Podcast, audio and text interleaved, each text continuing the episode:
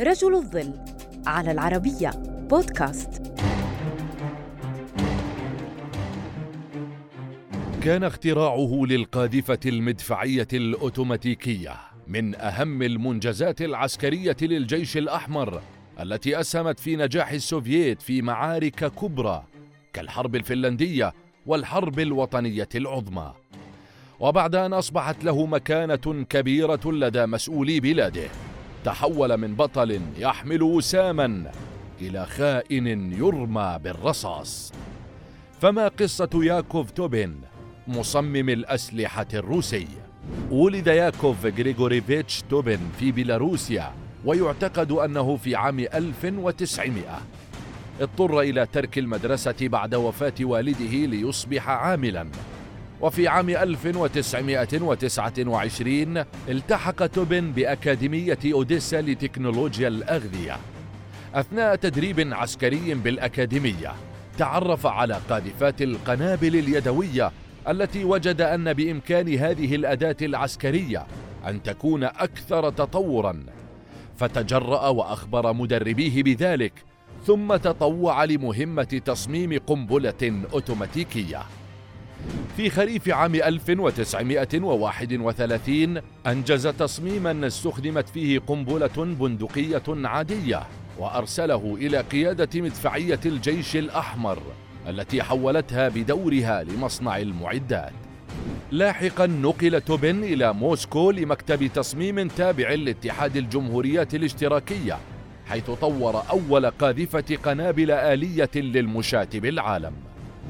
كان النموذج الأولي لقاذفة القنابل AGL عيار 40.6 ملم قادرا على إطلاق رشقات نارية فردية بشكل مباشر أو بمسار علوي بمعدل 436 طلقة في الدقيقة ومدى 1250 مترا كما تم تثبيت القاذفة على حامل ثلاثي القوائم.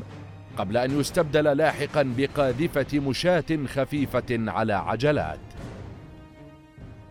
أصبح توبن مصمما عسكريا ذا قيمة يزوره كبار المسؤولين بالاتحاد السوفيتي كما حظي بدعم النائب الأول لمفوض الدفاع ميخائيل توخا تشيفسكي الذي كان خبيرا عسكريا داعما لإصلاح القوات المسلحة.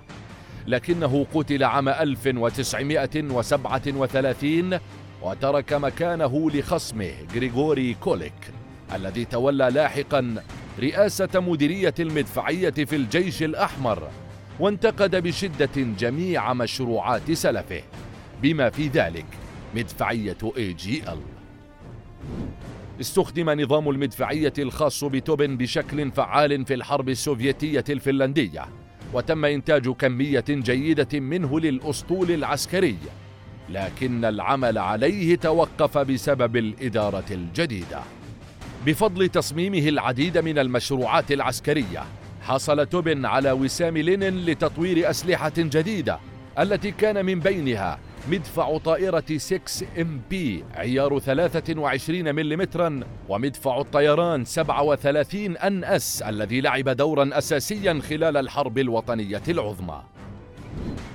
رغم منجزاته اتهم توبن بأنه لم يكمل مهمته في الوقت المحدد وبالتخطيط لإنتاج أسلحة غير مكتملة تقنيا وغير مرضية. وتم إطلاق النار عليه دون محاكمة في عام 1941 وحيث رميت جثته دفن مفهوم قاذفة القنابل الآلية.